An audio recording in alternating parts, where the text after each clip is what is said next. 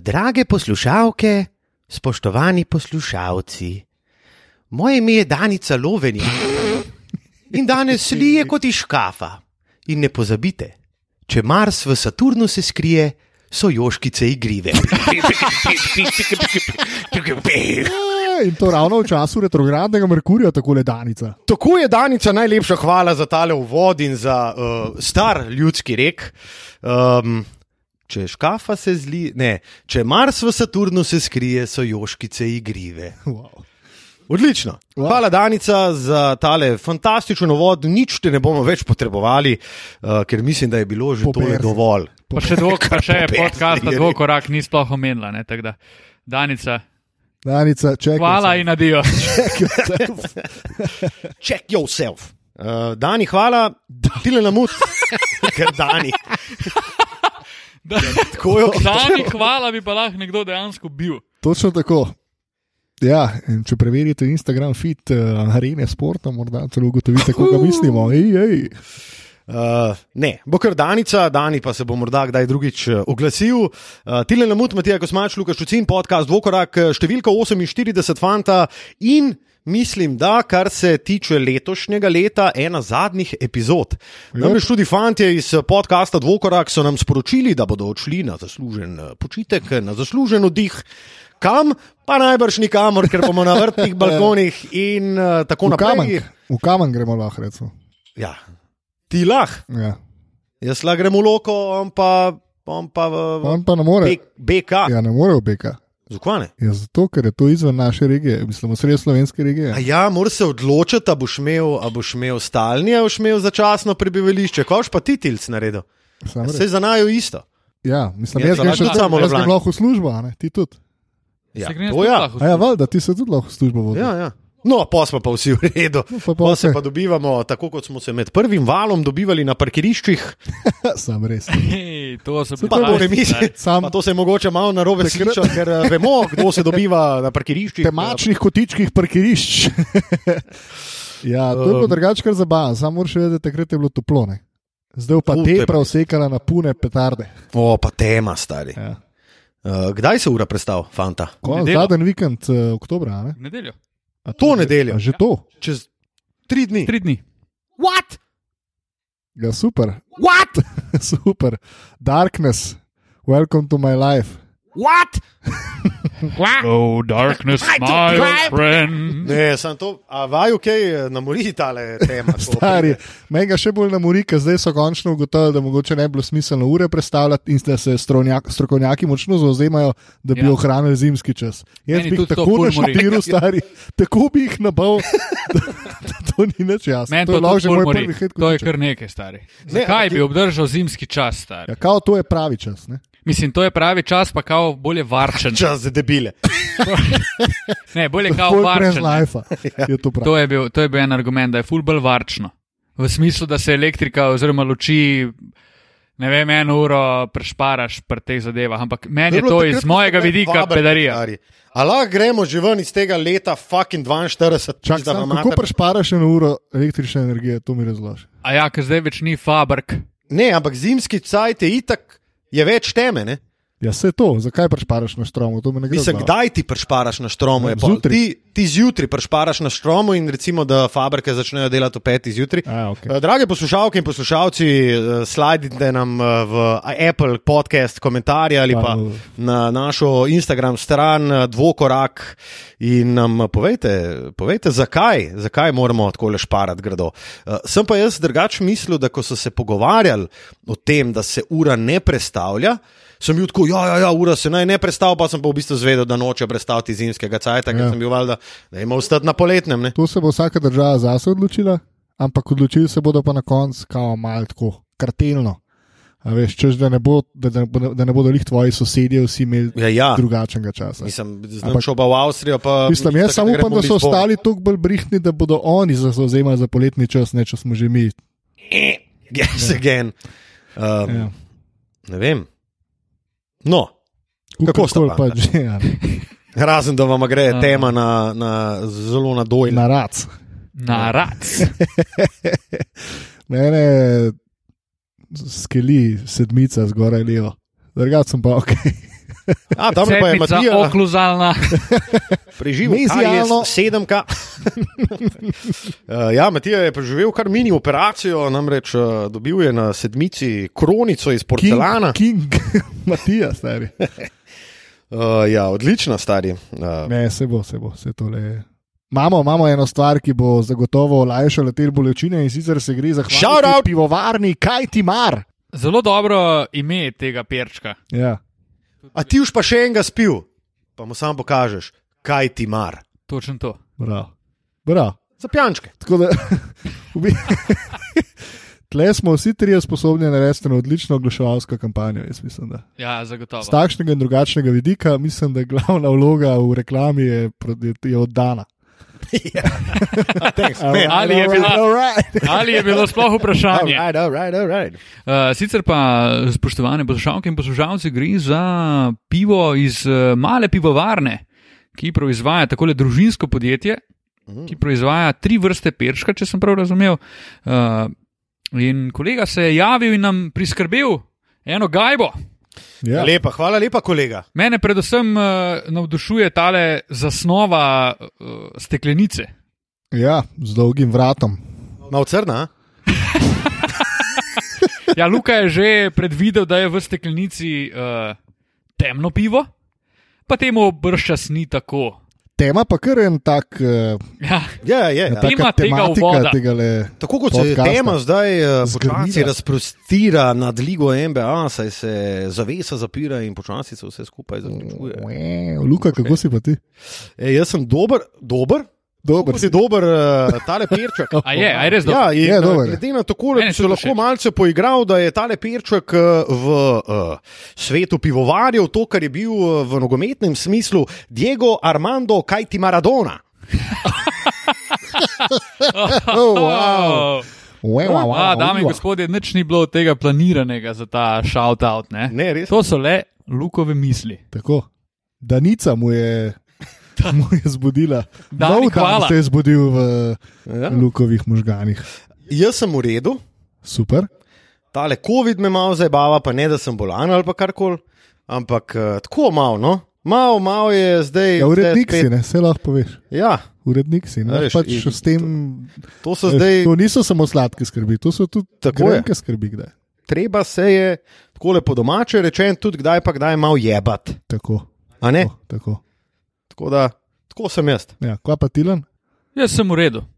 Moram reči, da mi tudi malo mori tale COVID situacija, predvsem, ker je uh, genie is out of the bottle, bi rekel. ne. Mm, bi rekla Kristinca. Mislim, se mi zdi, da je tako le malo tole šlo izpod nadzora ne, in mi to zdaj malo mori.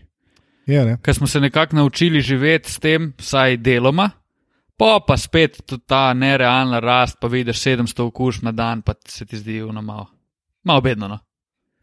Pa to spet itak Ja, zapiranje. pa če pa CPP testi niso dovolj natančni, pa kako bojo oni sprocesirali, če imajo samo pet laboratorijev, to je vse prevara. Všeč mi je tudi to, kako se na Twitterju zdaj vsi obračajo na gospoda Potrča. Kdaj Ja, ja, ja, pa res. tiskovno konferenco, pa dajte se me prebolite, no, stari. No. Potrč pa Tanja Ribič. Ne? Pač imata nek svoje, svoje mnenje, zdaj, zakaj treba ni, ni obtoževati za 700 okuženih. To mi ne gre v glavo. Ne, ni v ne, ampak Pomagata k temu, da se razumem, Stop. razumem. Ampak vsak lahko pa svojo glavo ima razmišljati. za meni je to agitatorstvo, mi je že nasploh in iz ene in iz druge Z vseh strani. Ja. Mi je ogabno. Ja, soočanje s tole krizo ima kar nekaj pomankljivosti v slovenskem prostoru. Ne? Predvsem pa modeli, kot je potrč, vse na eni točki. Jaz mislim, da se vsak od nas tudi na eni točki malo strinja z njim. Mislim, da, da se sam pač moraš znati tolmačiti Malo stvari, ki moraš racionalizirati, ne? Ja. z neko sito dati te zadeve. Pa nekaj je ok, nekaj mogoče malo pretiravanja, pa v končni fazi pa lej. To masko, ko greš v štacuno, je dej gor, ko greš ven iz štacuno, je dej dol in čau. Mislim, Ja, dragi nič več, ne. od jutri naprej, eh, glede na to, da snemamo na četrtek, tudi jutri na proste maske. Tole je pa meni najbolj ogabna stvar od vseh. Na, najbolj bedno mi je pa to, ker jaz ne bom nosil maske, zato da sem do avta sprehodil, meni je zložil. Drugo je, če še jaz v center, pa da je tam polno ljudi, ok, razumem.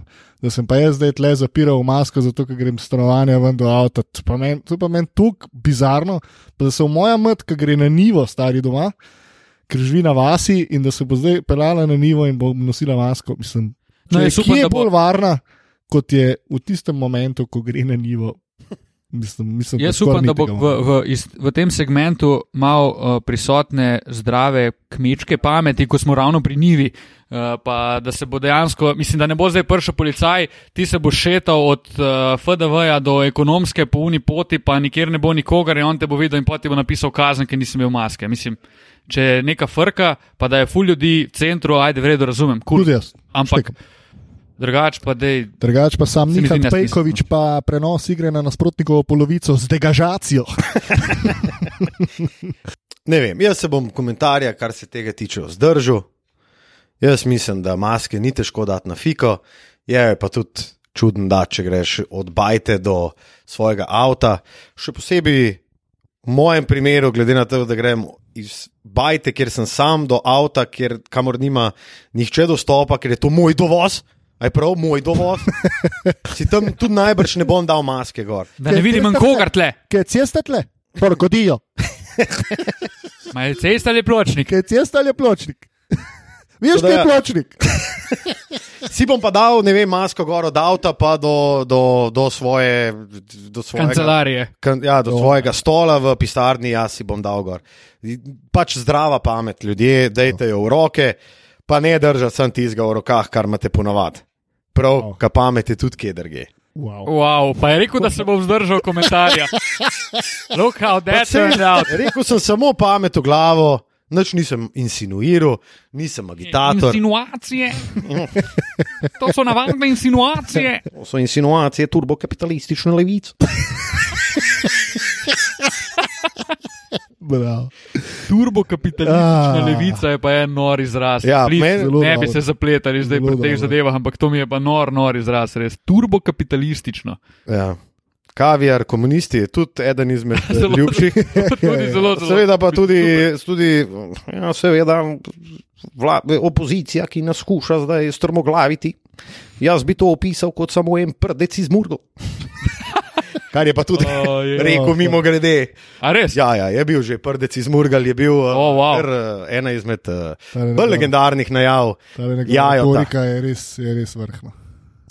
Erik je posebej. To je en tak reality show, stari. Da, Je, je, je. da Ja, Ja, sploh v tem obdobju, ko imajo ti ljudje več stika z nami, ja. uh, kot končni potrošniki njihovih dejanj, kot pa recimo gospodarstvo in tako naprej, je sploh tole res en krasen reality show.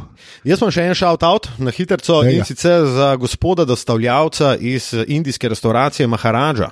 Oh, Uh, gospod dostavljalec, eh, bila je deževna sobota, zapasal mi je en tak chicken tikka masala uh, z garlic nanom, torej nanom, eh, indijskim kruhom s česnom. Dober In- kruh. Odličen kruh. Maharaja, by the way, zelo dobro restaurajka. Hej, nova priložnost za promocijo podcasta Dvokorak Maharaja. Neverjetno. To se, Ne, res, zgodbe je same pišejo, stari. Ja, ja. Tako da. Uh, bi se mu zahvalil, in nam je pa dal, mislim, mi je pa dal tudi eno tako kritiko, in glede na to, da smo že 15 minut v teh pogovorih, ki se ne tičejo oziroma dotikajo košarke, se ti bom najprej opravičil. Je pa dejal, da nas zelo rad posluša, ampak samo od trenutka, ko se začnemo pogovarjati o košarki, vse ostalo mu gre pa zelo na kurac. Tako da uh, hvala in upam, da se še kdaj vidiva. Če ne drugega, ko uh, poskrbiš za, za kakšno Topel obrok za našega topel, muka. tako, tako. Dekložers. A njemu Luka pa dovoliš, da prije na dovoz? Uh, Ja, on more prijeti na dovoz. Ja, no, mislim, vprašanje je, če mu Dokler ima masko, je meni čisto sen. ja, ne, je le tvoj dovoz. Čeprav sem mu najemal, ampak Ja, v bistvu Dobro, ja, da ampak najemaš. Ne? Najemaš, Najemaš ta tudi dovoz. Dobro, dobro, dobro, dobro. Tako kot ponavadi začenjamo, odpiramo naš podcast uh, s hate kotičkom in kdo si ga bo prvi nanudil. Lahko jaz, ki imam enega uh, nepovezanega z uh, finalom in koncem lige, ki predvidevam, da se bomo pol večino podcasta o tem pogovarjali, bi pa pohejtal, če dovolite, fanta, Da, dovolj. uh, pohejtal bi starega dobrega, ki se vrača v ta moj segment hejta in to je gospod Kyrie Irving. Wow, Oh. zdaj me pa prav zanima. a Ja, no. Kar nekaj časa ni bilo Kajrija prisotnega, kar je seveda posledica tudi njegovega neigranja v mehurčku, kar je uh, svoj vrsten hejt, ampak model ima novega trenerja v Stevu Nešu In ti pride na podcast od Kevina Durenta in reče, da on v bistvu ne vidi, da bi Brooklyn imel glavnega trenerja. Naj citiram: I don't really see Nets having a head coach. Stari, Ja, pa bo še uno naprej, ne? mislim, kako. I could be a coach. Kevin, Ja, could- I could be a could coach. be a coach. Kenny Atkinson coach. could be a coach. Hudo. Pač, kako sporočilo ti kot vodja ekipe daješ novemu, by the way, prvič trenerju v svojem lifeu? In ti rečeš, ja, se v bistvu jaz mislim, da mi niti nimamo dejansko trenerja. Ne? Trener bi bil lahko tudi jaz, trener bi bil lahko uh, tudi KD, živo, jaz sem Kajri Irving in spet vas bom zajebal. Stari moj, pa dej nehaj. Pa to je, mislim, to je za sankcionirati, če me vprašaš. To je, to je tako destruktivno za ekipo, pa nek red, ki, bi, ki ga vsaka ekipa more imeti, tudi če je ta red slab, da je to obupno. Mislim, jaz kar nisem mogel verjeti, what the fuck, stari. Jaz se s celotnim telesom, z vsakim atomom sebe se strinjam s teboj. Danes je pa mislim, da Dwayne Price je na Twitterju full dobro odgovoril na en. Ja, ja. Ker sta bila v novih dresih KD na levi, pa Kajri na desni strani in je sam napisal, who can stop those Ne, guys. on je retweetal kao tweet, v katerem je pisal, Tako, who can tako. stop those guys. In pa je sam napisal, I think that guy on the, on the right in valjda Kajri Irving. In s tem se jaz toliko strinjam. Tudi jaz.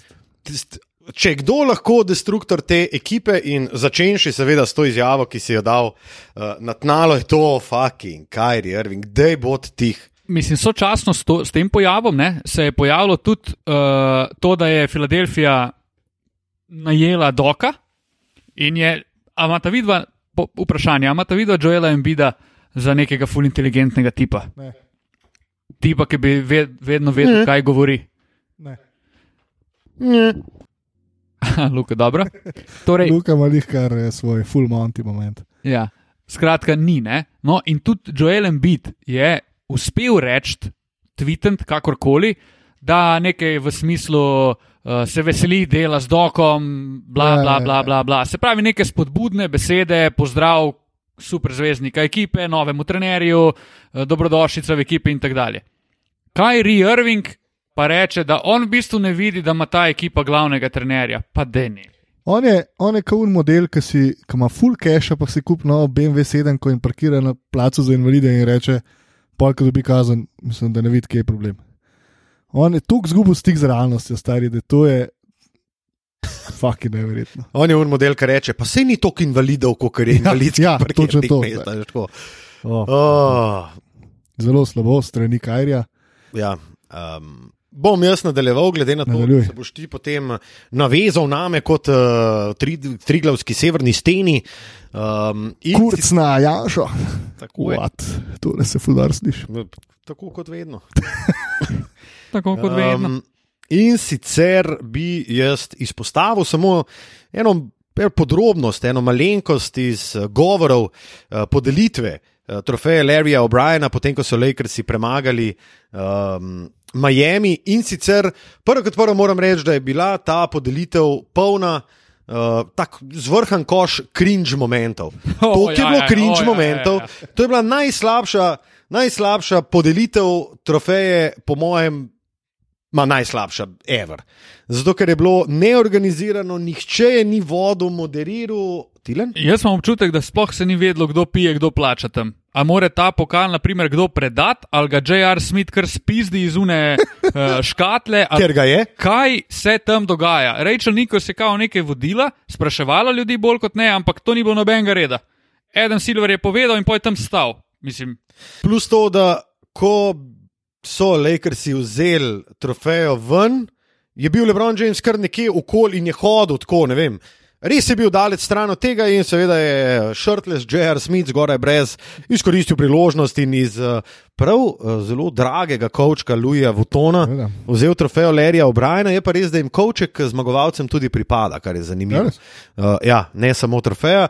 Uh, no, moj hate pa je, potem ko je seveda besedo dobil LeBron James, da se mu je praktično pri prvem vprašanju Rachel Nichols, Anthony Davis, kateremu vsaka čast, ker je odigral zelo dobro finalno serijo, začel v hod red You're the greatest of all time, you're the greatest man, you're the greatest.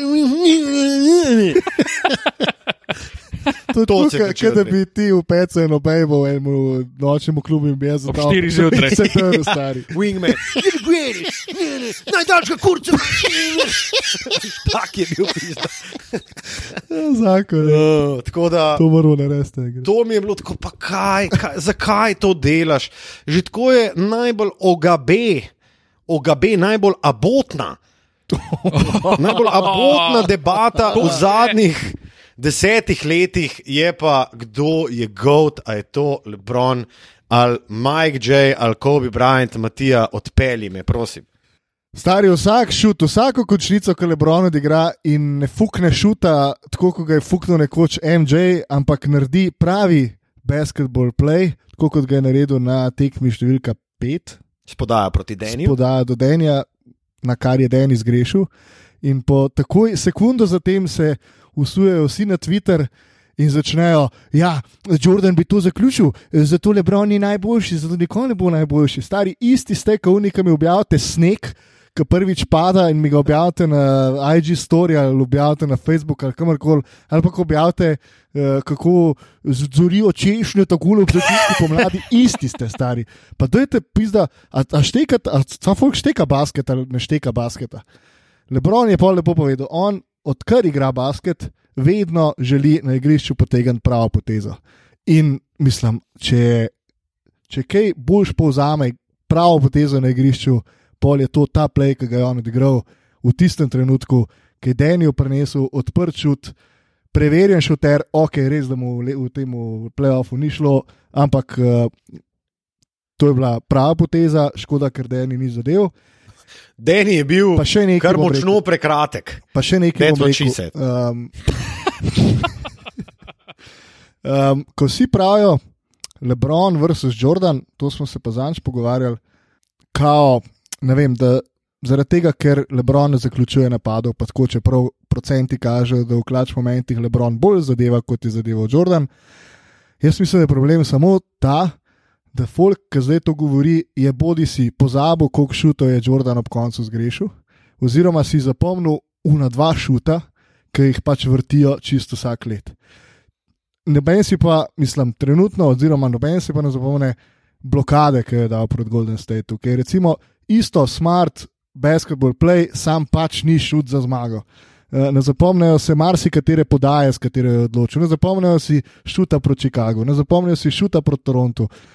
Proti Orlandu, isto. Tudi proti Torontu. Ja, pred ja. ja. leti. Ne.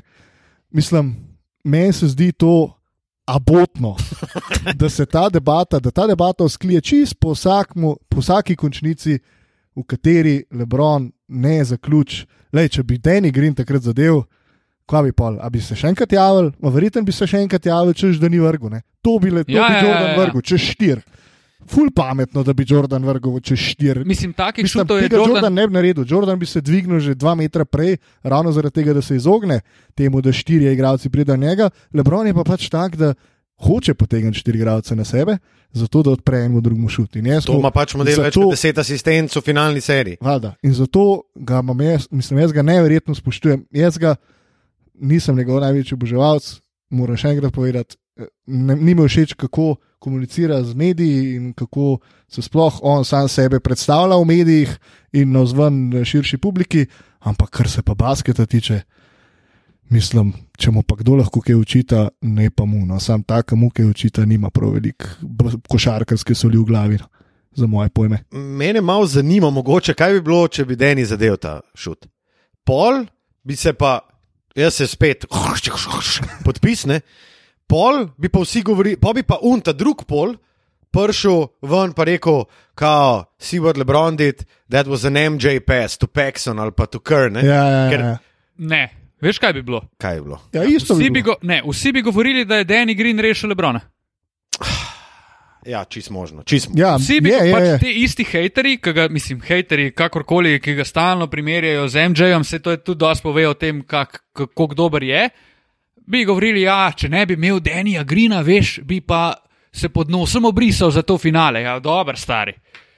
Mislim, Meni je škoda, ker včasih, Jordan, ker včasih Lebron tega ne reče na glas, da mu je pač, da tega ne dela zato, da bi ga nekdo primerjal z Jordanom, a je najboljši ali ni. Ampak pač hoče samo biti najboljši jaz, hoče pokazati. Je, uh, to je pa velika buča, stari. Če meni No, ja, Jaz mislim, da on, da on deep down, Ja, on deep down da. Hoče ta to- recognition, da je on. Sej deep, down je, sej deep down je to želja vsakega igralca. Mislim, če ni, pa ima problem. Ja, točno to. No, vem, ampak on se zaveda, da trenutno on ne more biti primerjan z Lebronom, ker mu lahko vsak v prvem argumentu fukne naprej 6-6, od Jordana pa 40 od njega. Ja. Ko govorimo o Hotel se zmagah. reči z Jordanom, Ja, ja, ja. z Lebronom. A, nima veze, sorry, z Jordanom, ja. Vse vemo, o čem govoriš. Tako, to je prvi argument, na katerem pač najbrž njegova kandidatura za to pade. In jaz bi se s tem sicer strinjal, sam dajmo se nehati o tem pogovarjati. Pli. Ja, ker ni, mislim, to sta drugačni eri. In še, sam še tole, prijem Tilen prevzame. Pardon, pardon, Tilen. Prosti, oprosti, Tilen. Tilen. Tilen, sorry. pardon. What the fuck, Pardon, to zgleda, tako da sem popenil tle. Lej, vse je v redu, fanta, vse je v redu, vse je v redu. Dobro, Matija, izvoliš. v redu. Dobro, okay. uh, poslušal sem podcast z Jaredom Dudljem, ker sem si jaz tudi na robe tolmačil uh, Lebronovo izjavo, ko je na koncu rekel, ta si zasluži svoj respekt, ta si zasluži svoj respekt. In na koncu koncev si jaz zaslužim svoj pofukan respekt. in um, ful je dober, Jared Dudley povedal. Je rekel, pač v očeh Jareda Dudleya sta Lebron in Jordan nek, nek in nek, ne, kar se tiče primerjave. In jaz se s tem strinjam, da sta tam tam na tak ali drugačen način, tako kot je tam tam še marsikdo skozi košarkarsko zgodovino. Um, je pa pol dobro rekel, da enostavno Lebron je mnenja in to številni pozabljajo. Da je on še zmeraj eno raven više od vseh ostalih. On je eno raven više od KD-ja, eno raven više od Kawaja, eno raven više od Stefa, ampak to se pozablja. Zato, ker je pač Lebron tako hud v svoji eri, da je postal tak vilen, da vsak, ki mu lahko kakorkoli nasprotuje svojo igro, je kar naenkrat najboljši igralec lige. Samo zato, da se zatira Lebrona, ker je de facto najboljši igralec lige pri 35 letih.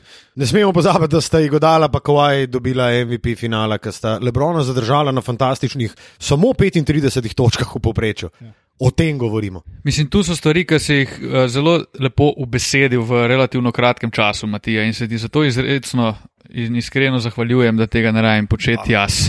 Sem bil kar, sem bil kar mal pod pritiskom, ker takoj, ko sem povedal, da imam ful dobr hate kotiček, oziroma da je hate kotiček namenjen Lebronovim haterjem, je takoj tilen z velikimi besedami. Ne, eh, meni je to všeč, ker to, to, kar se, mislim, to, kar se primerja, kar si ti rekel zdaj, ne, njega se skozi, pa Matija, ko si omenjal, s kom vse se ga primerja, pa zakaj se ga primerja, pač to ti govori, kdo, kdo je glavni pri narekovanju. Kdo je eh, tata? Ja, ko je tata. In on je pač fotor lige že 17 let, odkar je v ligi, ok, ni 17, zadnjih 10 pa sigurno. Pač od zadnjih desetih let je tip devetkrat igral finale, to pove dost in če temu ne rečeš, da je tata mata, pol vse to, s kom se ga primerja, pa kako se ga primerja, govori o tem, da on je še skozi in to je letos v končni fazi tudi za tem ultimativnim uh, ultimativno potezo, kar je osvajanje naslova, dokazal, da je en, eno raven više od vseh ostalih. In se lahko trudijo, ampak če ne drugo, nimajo te longitudinalnosti oziroma tega, tega trajanja, ki ga ima on, In ki ga bo še imel. ki ga bo še imel. Ne, in tu se lahko pogovarjamo tudi, pa nekdo reče, ja, 35 niti ni nič posebnega. Ok, res je, marsikdo je pri 35 bil tudi dober, ampak on je 17 let zapored v vrhu lige in ne moreš mimo njega. V moji knjigi, če bi LeBron James v zadnjih desetih letih bil sedemkrat MVP rednega dela sezone, bi ful težko karkoli učitev. Ja, itak. Mislim, To še se- zmeraj ne bi spremenili debate o tem, kdo je največji. Definitivno, ampak- Nima končnega odgovora. Tako. In ta podatek bi bil samo še en podatek v vrsti teh, ki jih že imamo. In Tako. dejstvo je, da bi Lebron z lahkoto bil sedemkrat, samo da se dogaja tisto, kar sem prej rekel, da se dogajajo pač. Vsako sezono ki, se pojavi nekdo, ki njega izzove, pa niti ne nujno neposredno, ampak ali po statistiki, ali po spletu nekih okoliščin, ali potem tudi, da v končni fazi ligi ni v interesu, da je en človek skozi imenovan kot najboljši ne? in je tudi za mednarodno prepoznavnost kul, cool, da je to, ne vem, evropejc, kjerkrat pa en mlad igralec itd., itd., itd. in se pač te ljudi ustvarja, se te zgodbe, da vedno nekdo z njim tekmuje, ampak on je en nivo nad vsemi in to je letos. Sem še enkrat več dokazal. No. Bi se pa navezal, sorry, Kar, kar. sem še nuno, kar se rekel za Denija Grina. Ne. Pač to je, bil, to je bila ustrezna poteza in se ne bi absolutno smela omenjati v debatah, da je on naredil napačno potezo. Ker je bil navezal je štiri igralce, podal je proti človeku, ki je bil v klub prepeljan zaradi tega, ker zadeva trojke. Igralcu, ki ima v karieri, pa ni bilo to prvo finale za njega. 42% šut v finalih lige za trico, se pravi za 3, 42%, to je nor procent. Tam ga imaš točno zaradi takega, ta šut je bil definicija tega, zakaj si ti Denija Grina pripeljal v Lakerse. In pač on mu je zrihtal ta šut, un ga pa pač ni dal. In kaj zdaj? In sam podaja bi bila bolj natančna. Ja, stari Danny Green, okrog Danija Greena, šest metrov ni bilo nikogar, on je imel vse cajt na svetu, da se naštima na ta šut. Jaz sam Deni bi lahko pod- podal tudi Caldwell Pope, ki je bil na bližji trici. To ni res, ampak ok. Ja, pač na strani je bil, ne? Kjer je trojka, vseeno mislim, pol če- takle šut pustiš, Stari- nisi za na parket za v finale. Jaz samo argumente, ki sem jih eh, videl na No, Twitterju na komentih, uh, jih dajem, samo Ti Sam izvajam. odgovarjam, zakaj so ti komentarji res tako nesmiselni kot so. Posivni, ki so rekli, da je vse odvisno od AD-ja v letošnji sezoni za Lakers, se upam, da so si pogledali tale finale. Pa tudi pred tem playoff, pa da vejo, no, kdo je tata. E, Ja, kaj pa in- prav tako na potezo Markifa Morisa, potem ki je, ko je ujel uh, to pa je nekaj, No, ne, to, je, to je bilo pa slabo. To je pa, to, tega si pa ne morem glih najbolj razlagati. To je bilo pa, to je bilo, On jo je pa zalučal v avtne. Ja, to je bilo tak lapsus v fiki, tako v možg, po mojemu, una opica v možganih. Ja, kar pri Ono Homerju. mu je delali in to je bilo to stari. On, po mojem, takrat ni razmišljal, razen to, fucking vršt moram žogo strani svojih rok, ker nočem, res- nočem imeti tega v svojih rokah. On je res košarkarsko neinteligenten igralec. Jaz mislim, da je to bila, bil klasičen primer panike. Ja. O, fuk, k meni se je odbila. Ja, Kaj ja. zdaj? Bom jo vrgel. Bož bi bilo, če bi jo fuknil na koš. ne. Mislim, Ja, boljš, stokrat boljš. Ja. Stokrat boljš. Vsaj dal bi si priložnost, da bi mogoče po sreči šla not, pa bi bil Heroj. Največji šef vseh da je bil cajtov. Lebron Hames čist prost na desni strani, ne? Tudi, ja. odkrit. Uh, Dober. Tunnel vision, verjetno. Ne. Ja. Plašnice si je nadel. Kako je? Jaz sem, sem še eno stvar mogoče hotel vprašati, niti ne vprašati, ampak bolj povedati. Mene je ful presenetilo, Seveda. ne, mene je ful presenetilo to, da v glasovanju za MVP-ja je bil pa unanimous voting za Lebrona. Se pravi, niti en novinar, mislim, da je 14 novinarjev, ki odloča, Ja. ki glasuje za to, kdo je MVP. Hvala, Luka, za to pozornost, ki mi jo izkazuješ. Marcel, In prav vsi, Zakaj pa mislite, da je bila ta pozornost vaša? Zakaj mislite, da je Lebron dobil vseh 14 glasov? No, povejte mi. zaradi tega, ker je bil z naskokom najboljši Ja, igralec. ja, ja, ampak jaz se tega zavedam, ampak eh, tu smo v turbokapitalističnih časih, ampak Lebron je eh, prava je tole poosebitev, dobro. po- poosebitev tega, kar predstavlja kapitalizem. Zakaj mislite, da so njega spet eh, izbrali za eh, Zakaj- 14 glasovi za zakaj- MVP finala? Zakaj nismo mi ne videli, stari? kot to? Ja, ja, ja. Tole je bil pa instantni hit na internetu. Vsaka čast, sin, noro. Kapo dol za tole. Poprostite. Mene sem presenetilo me to, da dejansko noben ni glasoval za Davisa. Mene, jaz sem vesel, da je tako. Tudi jaz. Štule se je pa tukaj trudil, da je enega kaj ti marja rukno. Kaj ti mar mi ga pa dela vsaka čast tvojemu prijatelju? In našemu novemu pokrovitelju. Tole pa res dober. Res je zelo okusno. Tu je zdaj dober, res. Mala pivovarna, kaj ti mar. Kaj ti mar sploh, kaj to sploh bereš? Pa kaj ti mar? Kaj ti mar, stari? Ej, neč, mislim, da smo hej kotiček obdelali in uh, bi se kar podal naprej proti finalu lige. Uh, kaj se dogaja? Dobro, Zgodilo. kaj se je zgodilo? Da, Ne vem točno, kaj bomo zdaj se naprej pogovarjali. Ja, neč, A Veš, da sem se jaz bal tega trenutka, ko bo nekdo Jaz se pa ne. Zdaj se pa lotimo finalne serije. ne, jaz se pa tega neč ne bojim. Bomo, bomo, bomo to razpeljali zelo profesionalno, fanta. Se ne. Kaj ti mar, Luka? Luka, pa kaj ti mar? Nič mi ni mar, Ej, ker si Luka, ga lej. omenil, še odprl. O, ja. V glavnem, fanta sta cel finale pospremila s svojim komentarjem. Z izjemo tek, ene tekme, mislim, ki je Tilč ostal sam, eh, ki si ga je Lu- Luka, ne vem, zvečer na nudu, ali kaj sploh, vse, konc konca nas nič ne zanima. Uredniško dela. Seveda. In sicer smo snemali prvi podcast tik pred začetkom velikega finala, kjer smo dali ogromno možnosti Miamiju, potem pa se je že na prvi tekmi tragično poškodoval Goran Dragič. Tragično. Ja, Um, Smo res kakšen- snemali zadnji Ja, podcast? ja, seveda, pred seveda. finalom. Mi smo se pa pogovarjali, da bi snemali še enega vmes, ampak se nam je zdel full butas, ker bi ga snemali tik pred četrto tekmo. Ja, ja. ko so pol oni šli na 3-1, ne? drži. Hvala. Um, in ga zato nismo posneli, smo rekli, če bo 2-2, če bo Miami dobil še eno tekmo, potem snemamo in se pogovarjamo o tem, kaj bo v nadaljevanju. Tako smo se odločili, da je najbrž serija odločena, glede na to, kako banged up so bili uh, košarkari vročice. Um, Kolik šans, mislite, več bi imel Miami z Goranom, a bi, le, a bi res lahko ruknil te Lakers, no, pa smo videli, kako se je zadeva odvila. Jaz bom zelo, zelo kratek. Ful smo dobili mehen, uh, mehen okus, kakšen bi Miami izgledal z Goranom in Bemom, zdravima, obema.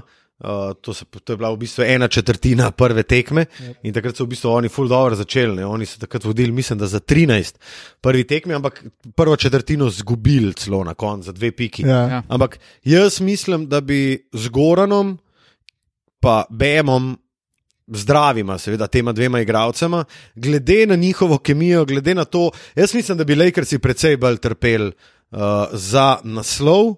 Um, mislim pa, da bi Miami bil celo nevaren za, za prsta. Pa ne govorim to.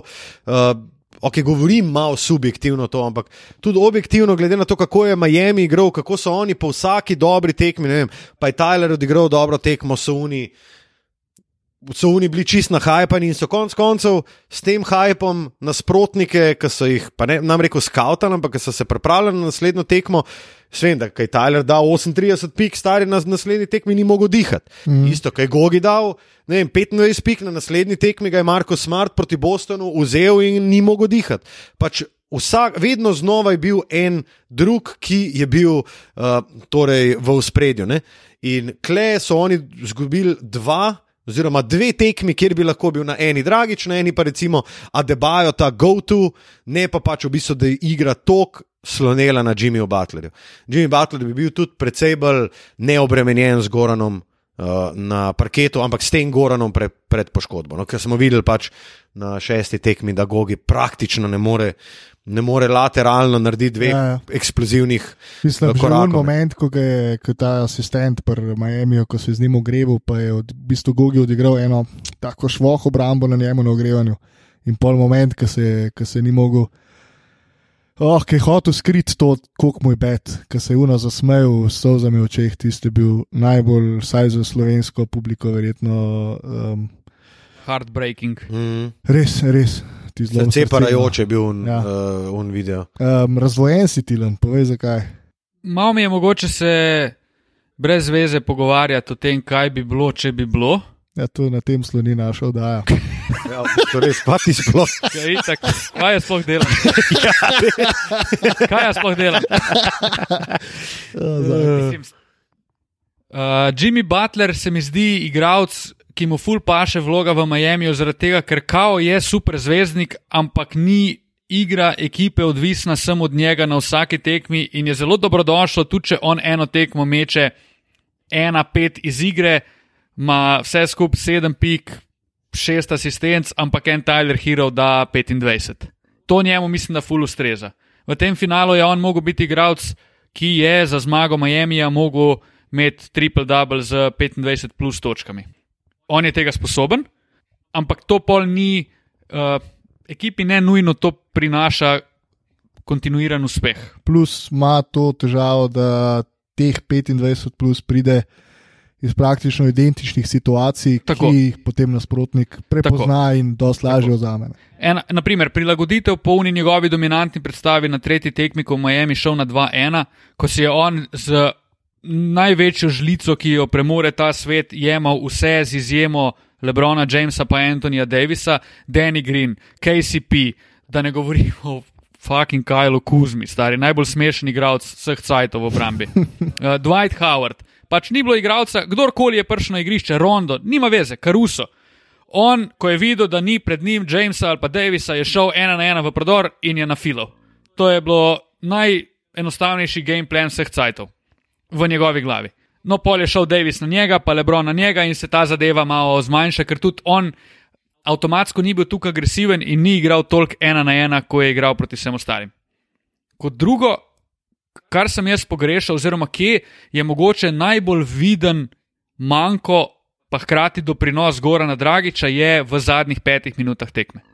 Miami je bil v zadnji, v zadnji četrtini nič koliko krat v tej seriji brez prave ideje v napadu, brez nekega smisla.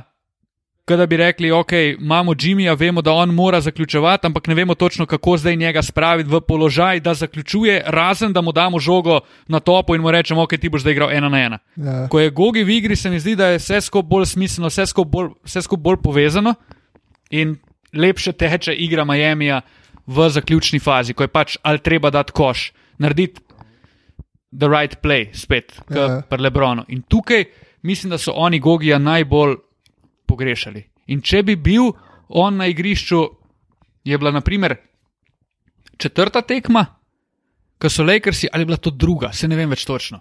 Ko so Lakersi v zadnji četrtini, una tekma, ko Miami nikakor ni mogel priti pod 10 zaostanka v zadnji četrtini. Oni so puščali priprta vrata, da je tekma izenačena, Miami pa ni vedel, kaj sam sabo narediti, nikakor. To je bila druga tekma. Ko je Kelly Olinik si ga tudi z veliko žlico jemal v napadu, pa rešetal brike proti obroču.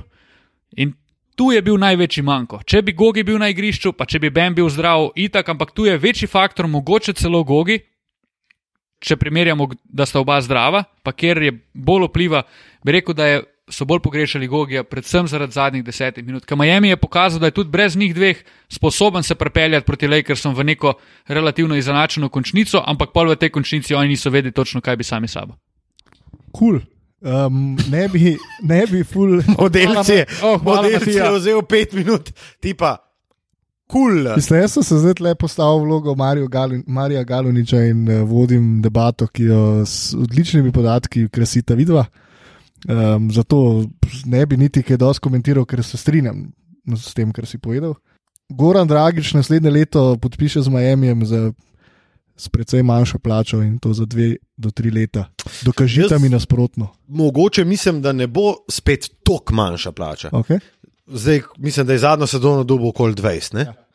Jaz mislim, da bo še zmeraj dobil on 11-12 smukcev. No? Glede na to, koliko je bilo jasno, da je Gogi pomemben v tej ekipi. Jaz mislim pa, da bo on, a smo se to mogoče že mi pogovarjali. Malo Pa več si ti dal eno idejo, ki sem jaz pol kar nekako ponotranil. Nek tak mid-level, okoli 10 bo milijonov, on- 2 plus 1. Ne. Plus, Jaz mislim, da- plača pada iz. eh, Mislim, mid-level bi bil najboljši za Miami, definitivno. Mogoče bo Miami njemu izplačal eno tako mini nagradico za zvestobo in vse ostalo v obliki enoletne pogodbe, kjer ga plačajo za naslednje leto konkretno, se pravi, tu govorimo Ja, ja. ja. spet nekih 20 ali pa 18. In mu pol načelno, whatever, garantirajo še eno podaljšanje pogodbe za Mid-level dve exception. leti, tri leta za mid-level exception, oziroma za neko, glede na prejšnje, prejšnje njegove plače, smešno nizko vsoto. Zakaj? Ker je to in, v interesu iskreno obeh strank, in Gogija, in njih. Zakaj jaz mislim, da se to nav zgodilo, oziroma zakaj mislim, da bo Gogi podpisal za manj, strinja se, da je to mogoče okoli 12 ali pa da je to mid-level okoli 10. Um, zato, ker Gogi si ful želi naslova, Miami si pa ful želi finančne fleksibilnosti in jaz mislim, da se bodo oni zmenili no, za, za to varianto, ravno zaradi tega, da so lahko že takoj naslednje leto še kakšno ukrepitvijo spet najmočnejši na vzhodu. Ampak naslednje leto misliš pred to sezono, ki sledi? Ja, ja, pred naslednjo, mislim, zdaj v tem Mislim, okay. se, se bo zdaj dogajalo, ne, v teh Ja, ja, ja, ja. temnih časih. V Ja. Sloveniji se bo dogajalo pač uh, free agency v, v Ligi NBA. Jaz bi rekel, da Gogi zadnja stvar je, da gre iz, iz Miami. Jaz mislim, da je on tam se super počutil, ne samo zaradi ekipe, tudi tako. Jaz mislim, da čist, čist življensko gledano. Ja, On ima tam pač bajto, uh, ženo, otroka, otroka, dva, mislim, da ne, ki hodita ki hodita v šolo in tako naprej. Jaz mislim, da on iz Miamija ne bi nikakor šel. Je pa to zelo, zelo pogosto, da ljudje, recimo iz Floride, Kalifornije, ok, iz New Yorka, precej raje, ampak iz takih destinacij, ki je vedno toplo, ki je vedno svetlo, ki je lepo vreme in tako naprej, zelo ne radi grejo recimo v mesta, kot so Indiana, ki greš res v Hillbilly Town, um, kot No. je Milwaukee, konec Itak, koncev se čisto Utah strinjam. in tako Plus naprej. to, da imaš ti najboljšega prijatelja v superzvezdniku, Tako. plus to, da igraš v finalu prvič v karieri, imaš šanso res osvojiti naslov. In zato si sicer za do, z dobro plačo pregazil krnega, bedenega močvirja tam v Ja, Miamiju, ja. da si do tega prišel. Zato jaz mislim, da je Dragič bolj v tem, um, da je oblikovan bolj kot Dirk Novicki. V smislu, jaz vzamem manj, zato da imamo mi več možnosti, mm. zato da smo naslednje leto prvaki. S tem bi se čist strinjal. Ne? Moramo pa tudi vedeti, stari, da Dragič je vojak, on je v bistvu prebrodil to after Lebron ero. Ne? Ja. On je z Miamijem prebrodil, kot si ti rekel, to močvi. On je prebrodil stari, kot je Andy Dufresne v Shawshank Redemptionu, prebrodil Je, v Unicevi. Govna, stari. Preden je prišel ven, on je taka govna jedel, stari, tam s Talerjem, On je igral. Johnsonom, pa koncev z Dwayne- McGruder, pa George Pa McRoberts. z Dwaynom Wadeom, pizda, ki je bil njegov talc, uno zadnjo sej, sezono. To, kar so v bistvu oba dva retweetala, pa tisti, ki niste tega opazili, si pogledajte, un mal daljši niz komentarjev, Ja. S kom je vse igral, komu se je vse podredil, Joshu Richardsonu, na začetku, kako se je podredil ekipi, ker je bil Boš prvi zvezdnik, pa, je, pa smo vsi jamrali, kako, zakaj Gogi stoji v kotu in čaka na podajo ven in take zadeve. Koliko enih teh zadev je dal skozi, da je prišla ta sezona, v kateri je bil nagrajen in jaz mislim, da da, da enostavno ni več pripravljen nič čez kakršno koli govno, s katero koli drugo ekipo, ki je mogoče na tem, na tem prelomu, da pride v konkurente, med konkurente za naslov, pa da je tam nek šesti igralec. Ni razloga, zakaj ne bi ostal tukaj, ker je ta ekipa dokazala, da lahko igra finale. Ne, da ga lahko igra, tudi da ga lahko dobi, Dobi, kot sta vidva rekla. Ja, obem strankam, strankam je tu v največjem in najboljši interes enega in drugega, se pravi in Miamija in Gogija, da on ostane. Jaz se pa bojim, da ne. Uh, jaz pa mislim, da tu sploh ni nobenega. Mislim, jaz se samo bojim, da Pet Riley, kot je legenda in vse, da on vemo, koliko je v bistvu enih dobrih basketašov, ki so bili fan favorites in tako naprej. Kokrat jih je on odjebal za to, kar se je njemu zdel višji cilj. In jaz se sam bojim, da se to mogoče ne bo zgodilo z Gogijem, ker No, sam kokrat je bilo pa to, da so potem ti igralci malo silevali svoj položaj, fan favorite in tako naprej. Tle Ja. ja. se mi zdi ta prednost Gogijeva, da on ni ta model, ki bi sileval denar, ampak se je pripravljen sprijazniti z eno realno tržno vrednostjo, ki jo on Tako. Samo zaradi Jaz tega. bi se mi rekel, zdi. da sta ampak ja, je pa, obe lahko se pa strani- Pet Riley Seveda. odloči, da ga low bola. Ne? seveda. To je res, ampak jaz mislim, da se prvo kot prvo on tega ne bo odločil, po drugi strani pa je Gogi res pripravljen se pogajati oziroma sprejeti karkoli, da ostane. To se je zdaj na robe slišalo, ne karkoli, ampak za neko tudi nižjo ceno, kot jo mogoče pričakuje, ker verjame v to ekipo, ful se dobro tle počuti. Pa tudi v končni fazi, veš, njegov lifestyle ni tak, da bi on ful rabo cash. Pač on ima casha, predvidevam, da čist dost za ne sem svoj life, pa za vse otroke in da bo rekel, ok, marsi čemu. Ja. Pa to ne pomeni, da mu bodo premalo ponudili ali pa da ga bodo podcenili. Pa se on je v bistvu edini primer, kjer je bil dejansko model tako, da je rekel, ok, jaz hočem svoj pofukan denar, je bil v Phoenixu. Ja, ja. Takrat, ko je drugič prišel nazaj, je rekel, ok, pridem, če me pač naplatite in dejte me naplatiti. In dobro, on je tudi z Miamijem zelo dobro pogodbo podpisal, tega se vsi zavedamo, ampak credit where credit is due, on si jo je takrat zaslužil, konc koncev. ja, itak. Um, in jaz tem, hočem da- sam reči, Gogi, lej, če ne bo šlo, bom jaz imel tvoje otroke. Res, Sta, s teboj bi rad imel otroke, ker O, ma jaz, ja. sem kar mal, jaz imam kar malo menj krašo Gogija, no moram reči. Meni je Gogi največji šef tega. Tak life. šef je stari, da. Rabo varstvo, mogoče, češ rabo kakšen pogovor, kar prid, kar prid v, v podcast dvokora, gogi, prid. Gogi, pridi. pridemo navijati. Če se Jaz COVID, mislim, je- če se COVID situacija umiri in če podpiše z Miami, pridemo O, v ja. Miami navijati naslednje leto. Jaz mislim, da uh, mi nimamo dost gostov v tem podkastu, ne, ampak če bi pa kjerga gosta, si vsi tri res iskreno želimo, O, je pa to gogi. On je na prvem, Tu, po moje, na prvem mestu gladko. na prvem mestu, gladko, pa pol kar na parih mestih, naslednjih par mestih, kar praznih. In mi smo, uh, naj uh, izdamo to informacijo tudi vsem eh, poslušalkam in poslušalcem, smo tudi zaradi tega hoteli v Miami tik. Uh, Oziroma, dogovarjali smo se tik preden je udarila korona, mislim, da smo imeli datum tam, Konca pri. konec aprila, da gremo tja, ampak je to pač padlo v vodo.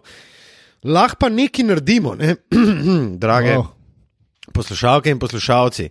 In sicer vsi veste, kakšen je handel Gorana Dragiča na Twitterju. Ne? Goran Dragič mislim, da bo vsaj za nekaj tednov, uh, zdaj jeseni, vrnil v Ljubljano.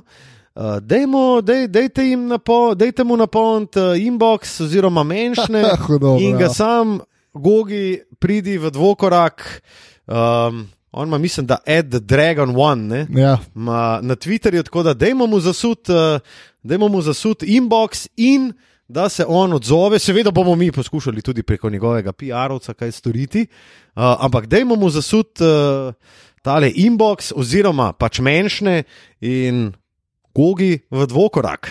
Če pa slučajno kdo rabi eh, glasovno podlago za dokaz, Matija, Luka in Tilen, Gogi, eh, čakamo te. Pridi, In te gogi. pričakujemo. Pridi, Gogi. In te želimo. želimo si te, Gogi. Gogi, prosim, pridi. Kaj Okay. bomo kako dobro rekli? No? Um, kredit, koga bi on hejtal, stari?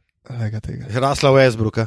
A misliš? Ja, jaz mislim, da iz prve bi on raz... Mislim, pa ne kaj. Ha, da mu rečeš, ok, iz prve, koga najbolj sovražiš v ligi. Ne, jaz bi ga vprašal, komu bi se najraje keknil na fiko v ligi, pa bi bil zihar rasel. Jaz upam, da doživimo ta moment, sam to rekel. Uh, Dajmo doživeti ta moment, da ga vprašamo, Gogi, komu bi se ti najraje keknil na fiko. To bi jaz, ima Pa, pa. v DM vožu takoj posnetek. Oh, No, Credit for Credit zdil se je nekajkrat slišal, ko smo govorili o Gogiju. In uh, jaz mislim, da to pomeni, da moramo še kakšno reči o novih prvakih, še 17-tič v zgodovini franšize, s tem so se izenačili z Bostonom. Lakersi, um, pa me zanima ena stvar. Mislim, da se vsi trije strinjamo, da sta Lebron in Davis praktično sama dobila to serijo. Če se ne, boste povedali, zakaj se ne. In obstaja okoli teh dveh košarkarjev, a je pravzaprav sploh važen, kdo igra. No?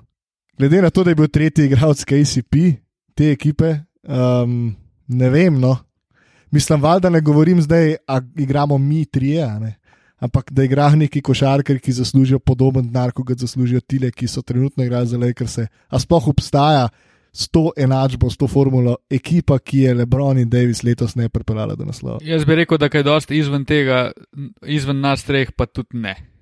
Ja, ok. no, jaz se pa s tem ful ne strinjam, v resnici. okay. Um, To je dobro. vemo, vemo, kaj je recimo Lebron delal pri Clevelandu, vemo, koliko je bilo za njega pomembno, da najde supporting cast. Vemo takrat, koliko so oni sred fucking sezone uno z Utahom, ki so Crowderja pripeljali, pa je Zeja Tomasa. Ja, ja. Oni so takrat zamenjali, mislim, da šest igralcev sred sezone. Meni se zdi, da je supporting cast ne toliko pomemben, kot bi bila Kle, Lebron in Davis, oziroma kot sta bila, ampak jaz mislim, da Lebron in Davis z nekim supporting castom, kot ga imajo, recimo, zdaj bom dal čist glup primer, kot ga ima Sacramento. Jaz mislim, da bi zelo težko prišla do prstana. Jaz mislim, da mora biti supporting cast zmeri full dobro izbran. Tako kot si ti Tilen rekel, Danny Green je bil prpeljan za to, da Ampak- šajba trice, ja, pa da ampak- sprejema ampak dobre odločitve v obrambi. Samo, samo. Ok. Okay. seveda, da je. Danny Green je bil dober, ampak Danny je na Pa eni 33 šut iz igre. Na zadnji tekmi je bil on fantastičen. Bil je dober, ja. KCP, KCP, KCP je bil tretji najboljši igralec. Ne smemo pozabiti na playoff Ronda. Rondo je bil zelo, zelo pomemben člen Lakersov, tudi Karuso, zato ker Karuso je sicer klon, pa pajac, ampak on je človek, ki drži pač intenzivnost v igri, tudi ko ni na parketu enega izmed Davisa ali pa sej- Lebrona. Ampak prosim, sam pusti mi, da povem do konca. Jaz mislim, da, oziroma vkle se sploh ne strinjam s tabo, da kdorkoli bi bil, oziroma pač iz NBA-ja, uh, okol Davisa in Lebrona, jaz mislim, da one dva ne bi prstana osvojila brez dobrega supporting casta. Mislim, govorimo o tem, da je supporting cast v obliki teh sredstev, ki so jih zaslužili ti igravci, ki so bili trenutno okoli Lebrona in Davisa. Ne vem, meni to, da Danny Green bi mogel biti ključen člen te ekipe, pa na koncu se je izkazalo, da v bistvu ni bil in vse ekipe, ki so, vključno z Dallasom, ki so ga želeli v svoji ekipi, so bile na koncu vesele, da ga niso plačali 20 milijonov. Ne? Uh, mislim, da tudi Lakersi niso zadovoljni s svojo naložbo, ker je obstajal precej boljšega na trgu kot Danny Green, tak kot je, ampak je bil pač prepeljan na, na svoj rezu, rezume. Um, KCP, ne vem, igralec, ki je na prvi tekmi eh, odigral krompir ne, in igralec, ki s komarkoli drugim, z izjemo Lebrona, bi verjetno bil precej podpovprečen. Tle je pač imel okoli sebe igralce, ki so mu zrihtali odprte šute, ki so mu zrihtali. Trojto ni bil tako slab, KCP, veš? A, ja, Ni bil tako slab. ampak veš, koliko cajt je že to nazaj? A Veš, koliko cajt je nazaj, ker je on hotel Max pogodbo. Ja, ampak od tega je na pet let in od takrat naprej ni odigral ene dobre sezone. Jaz jaz hočem samo povedati, da če imaš ti igralca, kot je KCP za 18 milijonov, in če se zdaj sprehodimo čez rosterje ostalih ekip in pogledamo igralce, ki služijo 18 milijonov, koliko je res takih, s katerim, ki ne bi bili, če je bil že KCP tretji najboljši igralec v Lakersih, ki ne bi uspel igrati na nivoju, na katerem je igral KCP. Ok, ampak sem, sem neki, recimo, Andrej Godala ima 18 milijonov. Ja. Ja, ampak se to ti pravim, ne? Igija so, od Igija so vedeli, da ne bodo dobili napadalno praktično nula. Vedeli so pa, da bo podelil v obrambi. Za KCP-ja so rekli, ok, on nam bo podelil v napadu, zadev tiste korner trice, dal kakšen šut ena na ena, ki se bo napad iztekel in isto konc koncev za Denija Grina, ki je dosti klasičen, modern 3D uh, basketaš. Ne? Mislim, poleg Men, ja. men Deni pa KCP, ja, sta mi bila med sezono, oh, fakt, to je bil zgrešen nakup. Ampak v playoffu, zdaj v finalni seriji, se je pa videl, da ne glede tudi na stragle Denija Grina, pač eden izmed njiju je bil dober in to je bilo dost. Mislim, da smo se prej zdaj naslonili na pa Na... Mislim, strinjam se, da sta bila KCP in Rondo, poleg Lebrona in Davisa, najpomembnejša člena Lakersov, in da si je težko predstavljati letošnje, letošnji naslov Lakersov brez njiju. Se strinjam. Ampak ne verjamem pa, glede na to, kaj, sta, kaj so ostali pokazali, da, da, je to, da je ta naslov posledica dobrega supporting casta in kadrovanja. S tem pa ne vem, če se strinjam, ker mislim, da bi tisoč drugačnih uh, kombinacij igralcev, ki ne vključujejo teh štirih, ki sem jih zdaj vzel, preneslo čisto isti rezultat. Ok, misliš, da bi Lakersi s tako lahkoto, oziroma mislite, usvojili ligo, recimo uh, na mestu Ronda in KCP ali pa Grina z DJ-jem Augustinom in Terencem Rossom? Mislim, spet ne govorimo o igralcih, ki so v tem cenovnem rangu. Ne. Ne, ampak Pa kva, DJ Augustin, pa kdo? Terence, čakaj, pa Terence Ross. Terence Ross, jaz mislim, da bi bil najmanj na nivoju KCP-ja. Najmanj. Pa verjamem, da še boljši. No, jaz se s tem ne strinjam. Ampak, U, jaz okay. pa stari. Meni pa, pa to mi je pa noro, ko si zdaj rekel.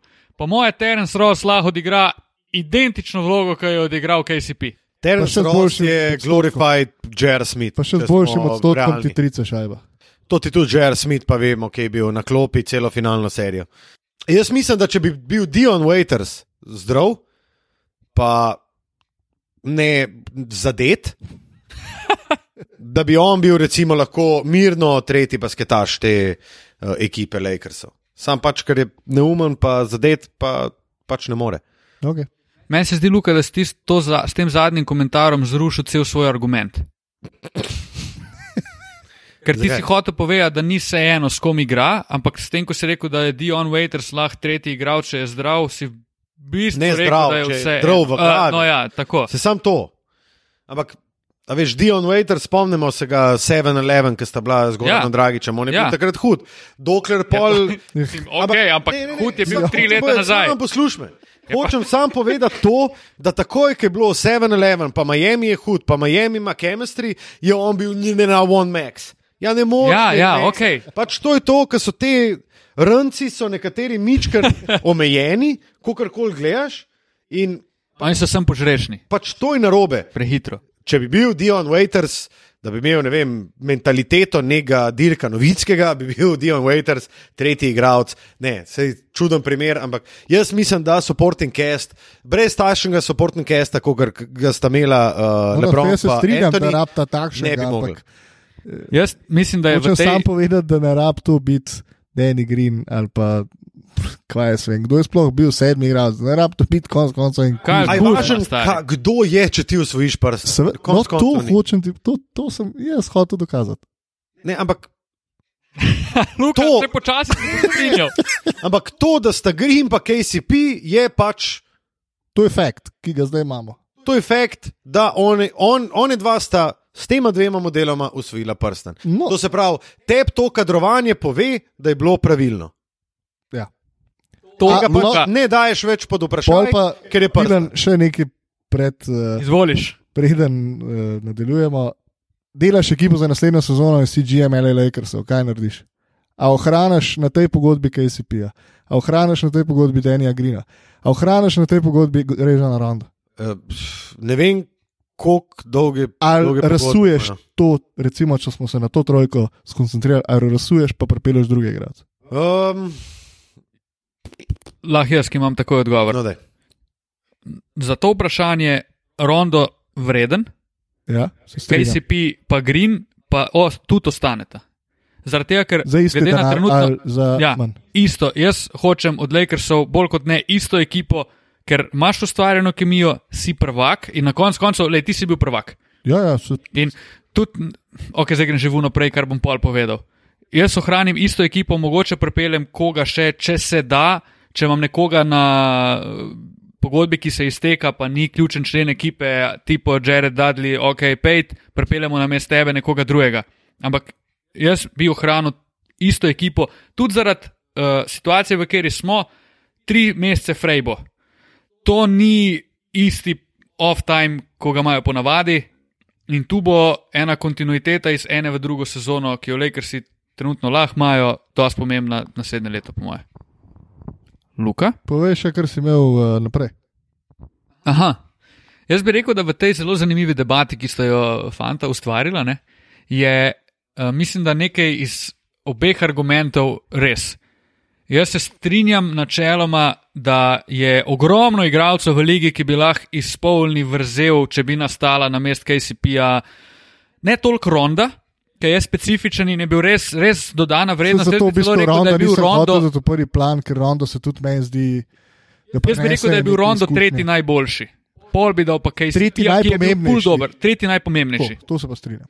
Pa imaš pa KCP, pa imaš Denija Grina, pa imaš Kajla Kuzmo, ki bi se ga jaz losal prvi dan, Ma- No, če bi prišel v Lakers. Jaz bi Markif njega Morris. odjavil takoj. Je Markif Markif Morris. Tudi. To so, oni so, jaz se strinjam, ogromno je igralcev, ki bi lahko igrali na mest njih. Ampak obenem se pa strinjam z Lukatom, ki je mislim, da hotel po povedati, da Lebron, on ne rabi toliko uh, nekega zvezdniškega supporting casta, on rabi namenske soigralce. Se pravi, ti rabiš nekoga, ki bo podelal v obrambi, pa dal trico. Pa še enega, ki bo dal trico, pa še enega, ki bo dobro skakal, pa v primeru Lakersa, naprimer, rabiš enega Dvajta. Ker to, kar on pol naredi s temi soigralci, je vse na njemu. Se pravi, on jim da uno, da jim un fokus.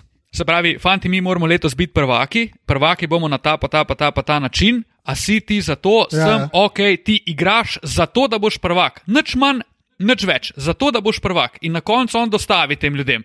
40 igralcev je v njegovi karieri, ki so bili prvič prvaki z Lebronom Jamesom. Ja, to In- se pa danes uh, zelo ponosno delil na. No, sem nalimal sem ti link, zdaj če je to ponosno, ok, Mislim, glede na to, da si na Instagramu objavil nekaj o Lebronu, pa pa še na, na Messengerju, Kva? mislim, da si bil kar ponosen. Na. A Ja, no, ja, Vse to vemo, da je pa. Ne, pa se prav, sej, sej. Eh, Jaz hočem samo dodati k temu tvojemu argumentu. Lakersi imajo 17. najdražjo ekipo v ligi. To se pravi, da tudi kle denar ni neki full problem. Glede na to, da imajo oni še veliko prostora, Ne, se v bistvu se ful premalo cen delo, ki ga je upravil Rob Pelinka. Sej, jaz sem v bistvu s tem vprašanjem hotel in je- sem za- zadovoljen, da mi je ratelj, sam uh, sprožiti enega od vaju, tokrat si bil to ti, Luka. Uh, mislim, Rob Pelinka, ki je bil sedmi v glasovanju za najboljšega GM-a lige, si definitivno zasluži večji recognition za to, kaj je naredil um, v obdobjih uh, buyoutov in tako naprej. In sestavil to ekipo, ki je na koncu koncev usvojila naslov. to je ekipa, ki še vedno in bo še tri leta plačevala tudi Luola Denga. Oh, ne. moj bog. Luol Deng je bil star, ja. On, njega je Chicago, mislim, da še približno 42 let potem, ko je šel iz Chicaga, ga je plačeval. Lakersi ga morajo še 5 mil plačevati do konca sezone 2021-2022. Moram pa sam nekaj povedati, to sem pa zdaj opazil. Uh, mi pozabljamo še eno zelo, zelo pomembno stvar. Avery Bradley. Avery fucking Bradley. ja. Njega pa ni bilo. To sem zdaj hotel reči. Stari, To je- oni, oni, imajo, ob, f, oni so narejeni, zgrajeni za, uh, mislim, da več, več uh, šampionskih prstanov. Jaz mislim, da so Lakersi letos dokazali, da oni kaj dost te ekipe ne rabijo spreminjati, razen če pride do nekih nepredvidljivih okoliščin, oziroma Danny Green eh, pač igra tako šodrasto, ki je igral letos. Ampak spet, Danny Green. Kdaj je Danny Green, kdaj smo se mi o Dannyju Greenu na zadnje pogovarjali v rednem delu sezone? Ali pa Ja, mogoče ne, celo več, strinjam. do finala. Ne? Jaz se čisto strinjam z, s tem, zakaj je Danny Green bil pripe, pripeljan in da je človek, ki osvaja naslove in da ima prav mentaliteto še in tako naprej. Sam razočaran sem nad njegovim celim playoffom. Ampak še skozi, jaz se z Danijem Greenom na igrišču v finalu počutim zelo udobno. Kot naprimer trener Lakersov. Bolj udobno, kot pa ne vem, z Budjem Hildom, ki si prej glih dal uh, Sacramento, ali en je dal Sacramento za primer, ali pa Bogdanovičem. A veš, da je Buddy Hild na igrišču, ali pa Bogdanovič, ali pa Danny Green ja. za šut 8 sekund do konca tekme na peti tekmi finala, jaz ga dam še enkrat Greenu. Ja, championship pedigre, ne vse to, Tako. to na koncu. In pač Igra, končni sam fazi- jaz se bojim, hot take, da je Danny Green odigral svojo najboljšo košarko svojega To je pa življenja. možno. In se mi zdi, možno. da to, kar smo videli letos, da se to zna ponoviti. Sam, To je pa možno. tole gledam. Ne. Deni, dobi, Deni letos dobil 14 milijonov na sezono. Ja, jaz sem imel feeling, da je več bilo. Ja, jaz isto, jaz se tudi Kot imam 20, mi- mi, mislim, da je bilo V to. mislih, da je dobil uh, 20, Kentavis Caldwell Pope ima pa 8 Kako na je pa to noro, stari.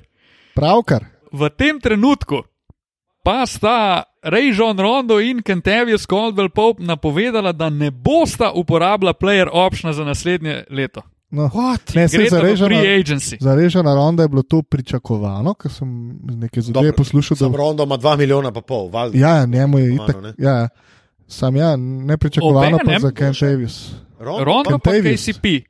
Obenem pa je Golden State odkrito zainteresiran za Dwighta Howarda, če ne podaljša z Lakersi. Wow. Ja, se oni rabijo. Oni so imeli Javela Magija, ki je pač dva prsta na osvojo na princip, kot ga je zdaj Dwight Howard. Ne? Ja, sej, jaz sem Luka, jaz sem pa odgovor za vse. Ja, sej, valjda, oni rabijo Dwighta, itek, da ga bodo podpisali. Jaz sem to Wow. vedel že pred lani. Wow. Ej, sej mislim, da smo tudi malo prihodnosti že napovedali za Lakers. Miami jasno štarte na leto 2021 in bo letos pokrpal, kar se pokrpati da. Miami letos izgubi za 55 milijonov dolarjev pogodb. Naslednje leto. Ko je, To je z, obno, to je z obnovitvami ali brez. Brez. to je brez obnovitev. Ja, tudi Oni brez so- preročno in tako naprej. Oni Zato, so največ- letos imeli uh, s- drugo najdražjo ekipo v ligi. Uh, Dragič, Solomon Hill, Mars Leonard, Jay Crowder, Jodonis Heslem, Derek Jones, pa pol Šoder. Uh, nimajo, nimajo pogodb na player option, je pa Kelly Olinik uh, s 13 milijoni. To je to. On je, edini, izkoristil. on je edini player option v. v, v uh, Jaz mislim, ekipi. da garantiranega, kar sem gledal, imajo okoli 20. Ker je zelo malo ekip, ki imajo sploh cap space v letošnjem off-seasonu. Realno Tako nekih letošnji- 7-8, full man. Ne, garantiranih, če gledaš, da Kelly Olinik Ja, podpiš. sprejme 13 milijonov 598 tavžent, imajo 8, 80 milijonov. To pomeni, da imajo 20 milijonov. Ja, pa se je to. A ja, to si mislil. Ja, pardon. tudi letošnji free agency ni spet bog ve kaj. Ja, v letošnjem free agency je dober za ekipe kot sta Miami in LA, ne? Tako, točno tako. ker je polno enih roleplayerjev, ki lahko zasedejo. Ampak-. Jaz bi v Miami z veseljem, z velikim veseljem uh, pozdravil tudi, čeprav raje v Dallas, ampak v Miami bi tudi z veseljem pozdravil enega Bradleya Bila. Ne. Ja, sam Bradley bil zdaj vprašanje, se je zdaj on dejansko odločil, da hoče v Washingtonu pisati svojo zgodbo ali da je jaz, pripravljen, Mislim, če se je pripravljen na trade. Ker ne, ne Ja, malo ne razumem. tradu, ja, jaz malo ne razumem tega Bradleya Jaz Bila. On ima petletno pogodbo z Washingtonom, Njega on ni težko noben free agent, se pravi, ti moraš za njega tradati. Ja. In da ti moraš ogromno za njega, trenutno ja. ravno zaradi te dolge pogodbe. Jaz tudi ne štekam, odkje je Bradley bil kar tarča vseh. On je zelo v težka free tarča. Čak, jaz sem pa Sej mislil, agent, da ima on. bi on, Jaz, on je podpisal lani mislil, da novo ima on. pogodbo. Uh, fr, Lani On je Supermax lani podpisal. podpisal novo ja, pogodbo on s je Supermax. lan Supermax podpisal. Čakaj, da pogledamo. Mi smo se smejali, ker je v bistvu šel po namesto da bi šel po zmage. Mislim, to je bila situacija, ko je on kao govoril, da mogoče hoče ven, po naslednji dan je pa podpisal Supermax. Ej, jadramo vode, ki nas še čakajo. Stari sam to, Washington ima 2-22-2-23 z Wallom in Bilom 84 milijonov, Ja, ja, dobita samo one dva. itak. Stari se ti zdaj baš. Ja, noro, Washington je v buli. Gospod Grunfeld, hvala lepa, se da že odpavati, oziroma so ga fukla. Um, cool. A imamo še kaj za dodati o velikem finalu, ali se počasi začnemo kar poslavljati? Jaz bi rekel, da je Da, se je, To, to. da smo se izpeli. Toto Afrika. Uh.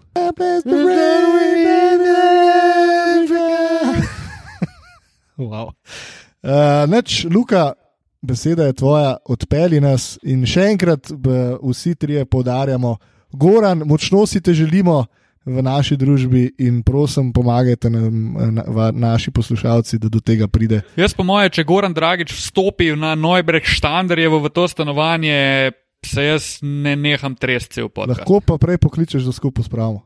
Mislim, da Naj vidi, lej, naj vidi, kak je pa-. Ne, prav, Jaz ne nimam pride gogijev, v jaz nimam naše gogijev, okolje. kaj skriva. promaš. Točno to. promaš.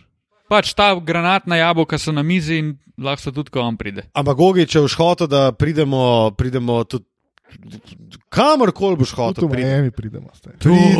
Tudi v Miami pridemo, samo da odprejo. Pridemo, kamorkoli. Pridemo, pridemo, pridemo. Uh, vi pa poskrbite, prosim, drage poslušalke in poslušalci, ne samo da Donatoni, ampak tudi da uh, Goranu. Luka, ti kar to spremljava, ti kar povej. To je tak Naš- avtro, Naš beatboxer tam le. Ki je zdaj se zaključil. Ne, dej zdaj, da lahko spet nadaljujem. Ne, Luka, ti kar nadaljuje. Ciljen, thanks, Matija. Gogi, pridi. Gogi, gogi, gogi, pridi. Poslušalke, poslušalci. Twitter.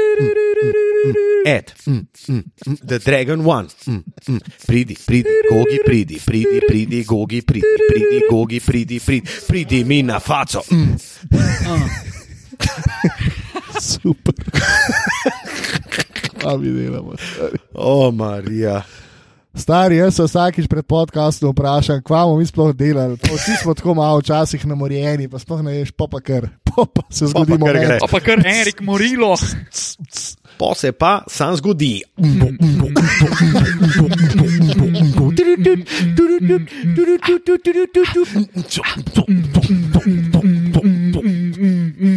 Ah, cool. Mislim, da je res čas, da zaključimo. Mislim, da je čas, da se poslovimo. Hvala za vašo pozornost, drage dame in gospodje. Slišimo se, ko se slišimo, oziroma ko pride v goste eden in edini Goran Dragič. Lepo zdrav.